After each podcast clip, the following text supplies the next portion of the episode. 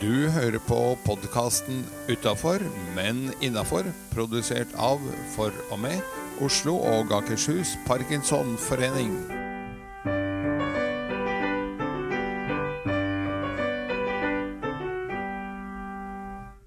Hei, jeg heter Seri Lind, og ved min side så har jeg en smilende ung herremann. Ung lovende. Edgar. Hei, Edgar. Hallo. Hvordan har du det i dag? Glimrende. Bra. Hva er programmet? Hva er Programmet er at vi starter med hvordan du får en bra start på dagen. Det gjelder alle, enten de har Parkinsons sykdom eller ei, eller feiler noe i det hele tatt eller ei. Så gjelder det å få en bra start på dagen, så vi har et tips der. Vi har eh, Parkinson-tipset, som sier litt om eh, hvordan du lever best mulig med denne sykdommen innabords. Og så har vi ukens gjest fra Parkinson Nett. Det er Parkinson-sykepleieren. Og så har vi kunngjøringer, og til slutt så har vi quiz.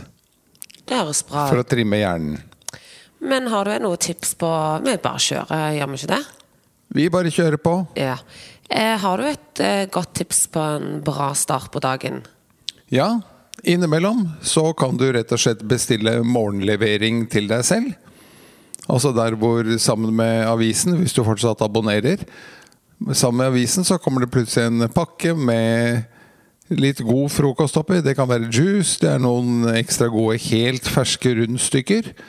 Croissanter, eh, godt pålegg. Et annet. Du kan jo variere hvor stor eh, hotellfrokosten din skal bli akkurat i dag.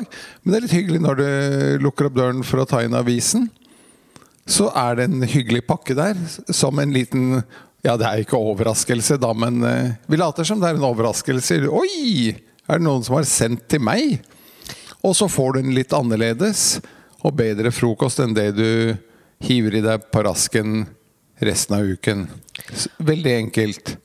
Og så er det faktisk òg sånn at en bra start på dagen er å bestille det til en venn. Det òg. Fordi når du da får en melding eller et bilde eller en telefon som med et veldig takknemlig menneske, så får du sjøl en veldig god start på dagen. Nemlig. Men eh, Parkinson-tipset vi kom fram til Og eh, den har jeg sagt at jeg vil ta.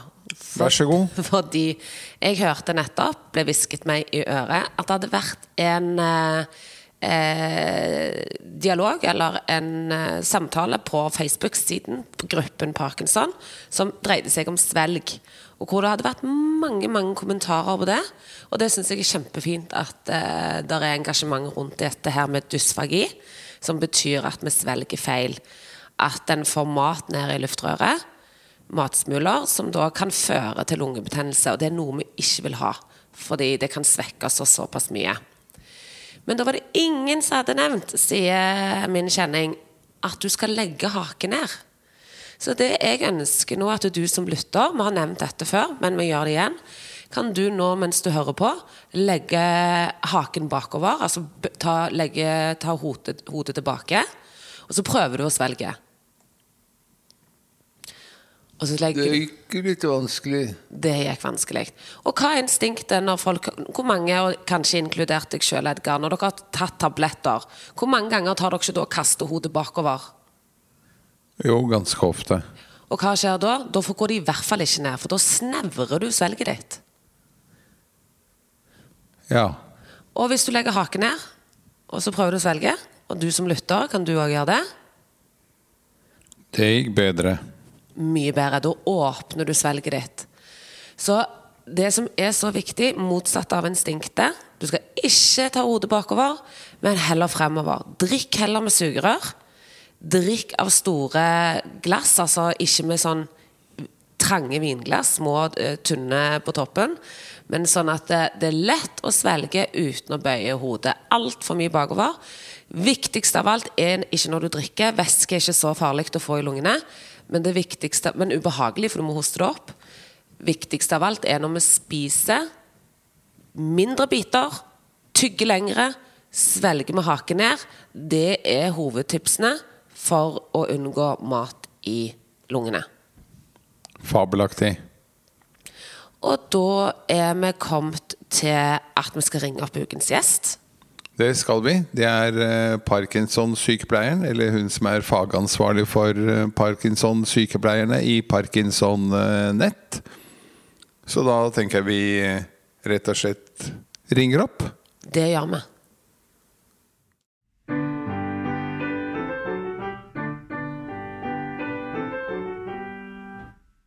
Da har vi en ny episode der ukens gjest er en av våre behandlere i Parkinson-nettapparatet. Og i dag er det Parkinson-sykepleieren og Ragnhild Støkket som er ukens gjest. Velkommen inn, Ragnhild. Tusen takk for det. Du, eh, jeg tror jo så å si alle i landet vet hva en sykepleier gjør, eller i hvert fall har en ganske klar formening. Men hva gjør egentlig en Parkinson-sykepleier? Ja, og når du sier at uh, du tror egentlig at folk vet hva en sykepleier gjør, så er jeg ikke helt sikker på det. Jeg, jeg tror det er veldig lett å tenke veldig snevert når man uh, hører ordet sykepleie. At man med en gang tenker på dette med pleie og omsorg, som også er en viktig del av sykepleieryrket. da. Men sykepleierne vi jobber jo veldig helhetlig. Så vi jobber jo med alt med dette her med medisin, oppfølging, eh, kunne lese litt mellom linjene hvordan folk egentlig har det i hverdagen. Og kunne sette i gang aktuelle tiltak. da, Og koordinere tjenester eh, rundt den som har en sykdom. Og vi driver masse med informasjon eh, til de som har sykdommen i alle mulige faser av livet.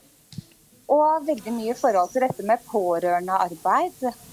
Eh, og støtte og hjelpe pårørende og hjelpe pårørende å finne gode løsninger. Da, for de er jo veldig ofte hjemme med den som har sykdommen. Og står dessverre ofte i svært krevende situasjoner. Og da er det ofte sykepleieren som går inn og hjelper til med veiledning.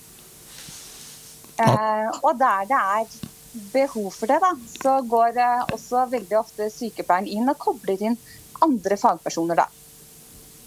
Eh, og når du og nå spurte du litt hva Parkinson-sykepleieren gjør spesifikt. og Parkinson-sykepleierne de er jo hovedsakelig inne på sykehusene, så de har jo en litt spesiell eh, rolle. Men de følger jo opp de som har Parkinsons sykdom fra de får diagnosen, med støtte og informasjon. Eh, og gjennom hele sykdomsforløpet.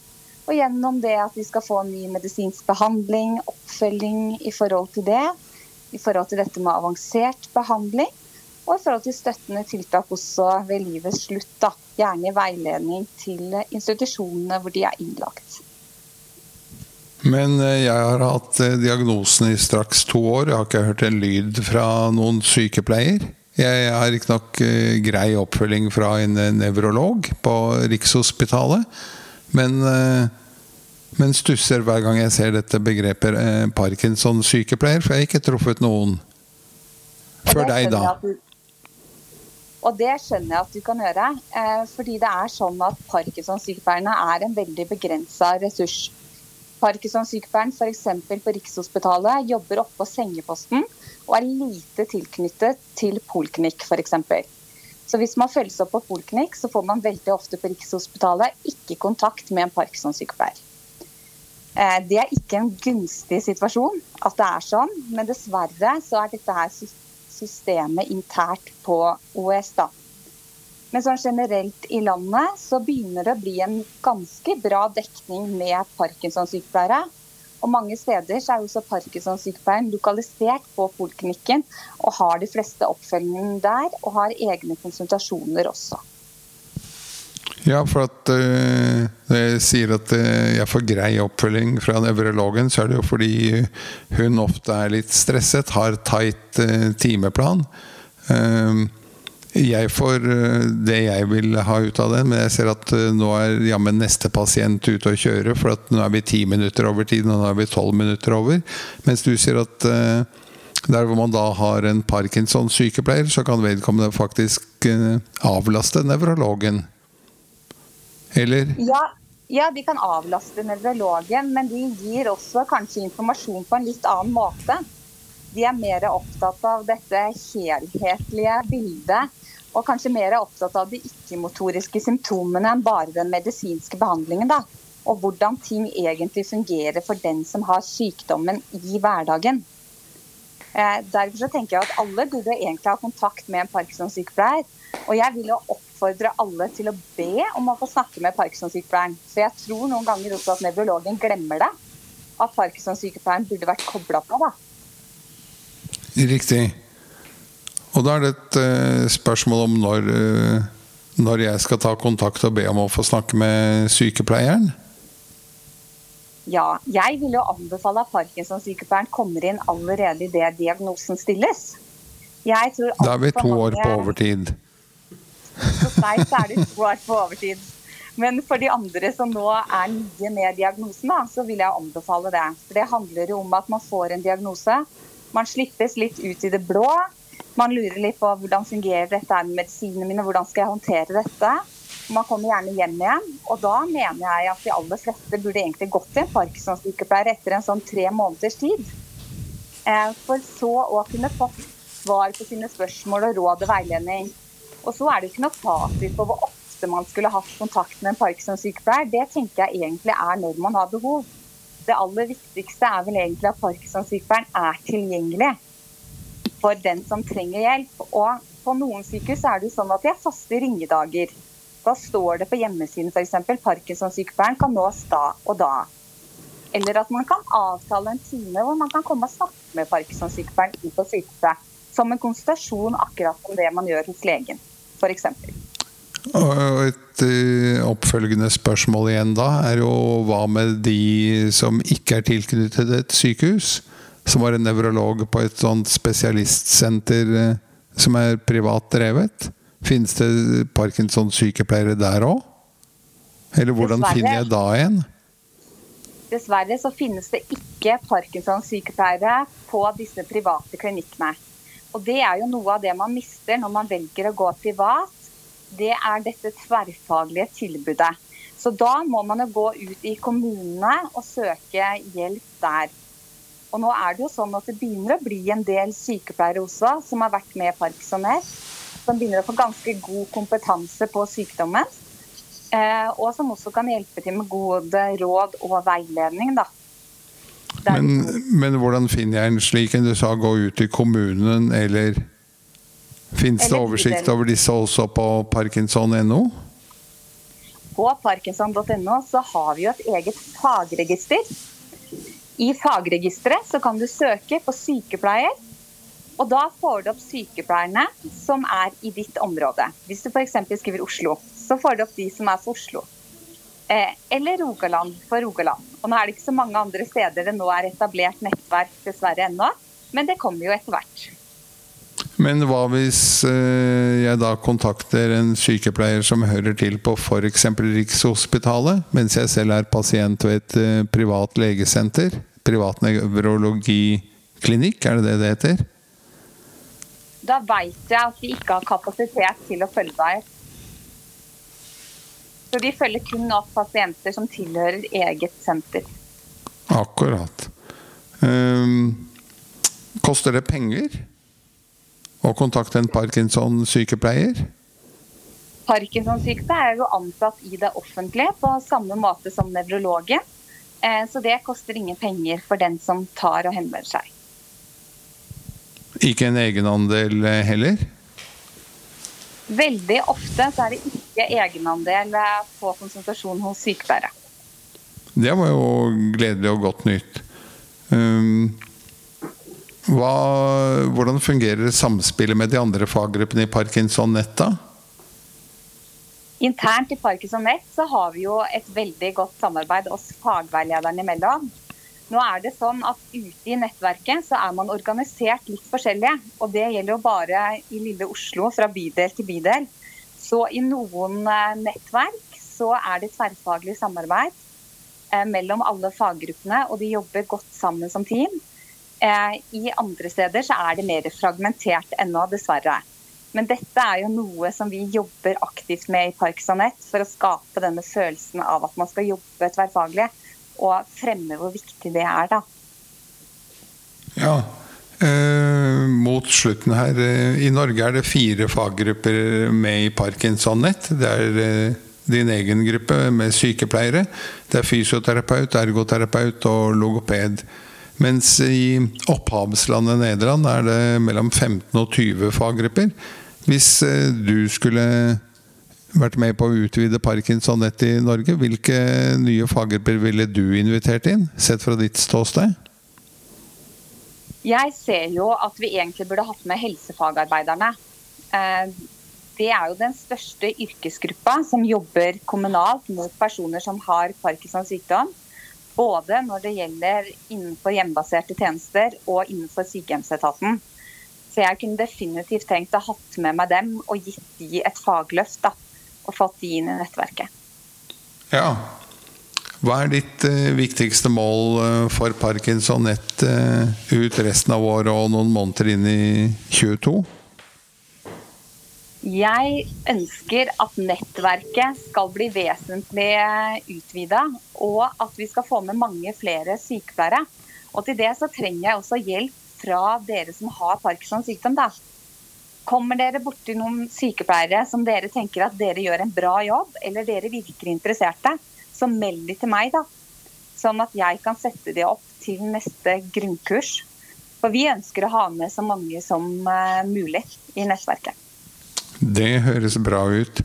Og det aller siste spørsmålet, kanskje ikke direkte nettverksbyggende, men uh, uhøytidelig og personlig. Hvem vil du helst stå fast i heisen med? Jeg ville faktisk gått litt høytidelig. For jeg kan veldig gjerne tenke meg å ha stått med den nye statssekretæren. Fordi at Anne Grete Erlandsen hun har hatt en så viktig rolle for oss i Parkinson Nett, og for å være med å få dette på plass og for å fremme det i Norge. Så jeg kunne tenkt meg å snakke med den nye statssekretæren, sånn at den kan ta og føre stafettpinnen videre for oss. da. Og hvem ønsker du deg da som ny statssekretær? Ja, si det. Jeg tenker jo at det kanskje blir noen fra Arbeiderpartiet, men uh, det vet jeg ikke. Jeg har egentlig ikke noen sånn spesielle ønsker. Nei. Men et spenstig ønske om eh, partner i en faststående heis. Og til slutt Gjerne en del timer. Ja. Helt til slutt du vet at Seri Linn har en utfordring. Ja, jeg tenker på vegne av eh, podkasten Innafor, men utafor. Så ønsker jeg jo at alle Parkinson-sykepleierne anbefaler podkasten til sin pasientgruppe. Sånn at vi blir levedyktige og kan drive med ukentlig informasjon og oppmuntring og motivasjon. Og jeg veit jo allerede at denne podkasten spres jo allerede godt gjennom eh, forbundet. Eh, og jeg tror at mange av Parkinson-sykepleierne får det med seg der. For veldig mange av Parkinson-sykepleierne er medlemmer i Norges Parkinsonforbund. Så bra. Så bra. Tusen takk for at du var med oss i dag.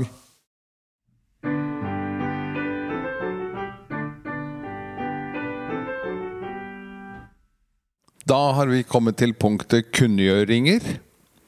Og i tillegg til å minne om uh, Mandagsklubben i Oslo Syd, har vi den samtaleringen som Per Erik har startet der nede. Og i Oslo Nord Onsdagsklubben og pårørendegruppen til Tore. Og så er det en gjennomgående oppfordring, og det er å delta. Ja, for er jo nå er jo medlemsmøtene i full sving. Hvis du går inn på parkinson.no, så kan du se at de fleste lokallag har eh, eh, kommende arrangement, som er da medlemsmøter med mange spennende foredragsholdere.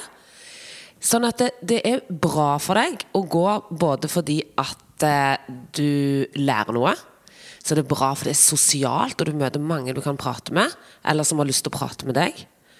Og så har du òg ikke bare det at det er godt at du får, men du må òg gi. Du må gi det å stille. Fordi vi skal jo holde liv i disse lokallagene. Vi ønsker jo Her er det jo ildsjeler som eh, jobber på for at vi skal ha en plass å gå. Og så er det jo sånn at da har jo du et ansvar for å komme. Sånn at det der, du bare, hvis du bare vil på julebordet, så er ikke det greit. Du må komme de andre gangene òg. Og ikke minst, som du sier, for å ta del i det som skjer. Og det er også slik at Hvis man har en foredragsholder, så ønsker vedkommende ofte å få noen spørsmål fra salen. Og jo flere som er i salen, jo flere er det som kan stille gode spørsmål for å utdype det som er blitt presentert. Og det er ikke bare foredrag om sykdommen vår og forskning. Det er også F.eks. kommer eh, eks-London-korrespondent i NRK, Anette Groth, til eh, Oslo Nord ut i november. Eh, vår nye, ikke fullt så nye lenger da, generalsekretær eh, Britt Inger Skånes eh, dukker opp både i Oslo Nord og Oslo Syd. Eh, og det er mye som skjer. Som sagt, noe direkte knyttet til sykdommen, noe knyttet til foreningsarbeidet. Og noe som bare rett og slett er veldig, veldig interessant. For Anette Groth har jo vært aktiv, som sagt, i England i flere omganger, mener jeg hun har vært korrespondent for NRK, og deler sine opplevelser derfra. De fleste av oss har jo et forhold til England. Fotball, teater, landskap, kultur. handel Det passer jo Handel. perfekt med overgangen min nå inn til quizen. Oi! For du skal få historie. Oi. Men eh, før vi hopper på quizen Jeg tøyer strikken litt her sånn. Det er som du selv sa. Delta, delta, delta og bidra. Og hvis du tenker at det skjer jo ikke så mye i denne lokalforeningen, nei, men da kan du melde deg til styret. Og du kan være assosiert medlem om ikke du er valgt på siste årsmøte. Så kan du si at men jeg kan bidra likevel og gi en hjelpende hånd med å finne eh, foredragsholdere, ringe opp, booke lokaler. Det er mye som inngår der som man trenger hjelp til. Er du klar nå? Vi får prøve. Snakker du deg vekk? jeg bare tøyser. Vi skal ha quiz, og det er tema historie. Og grunnen at jeg avbrøt deg i sted, er fordi at jeg har mange gode engelske spørsmål. Kjør. Når ble Margaret Thatcher statsminister i England? Oi, det er tilbake til eh, 80-tallet en gang.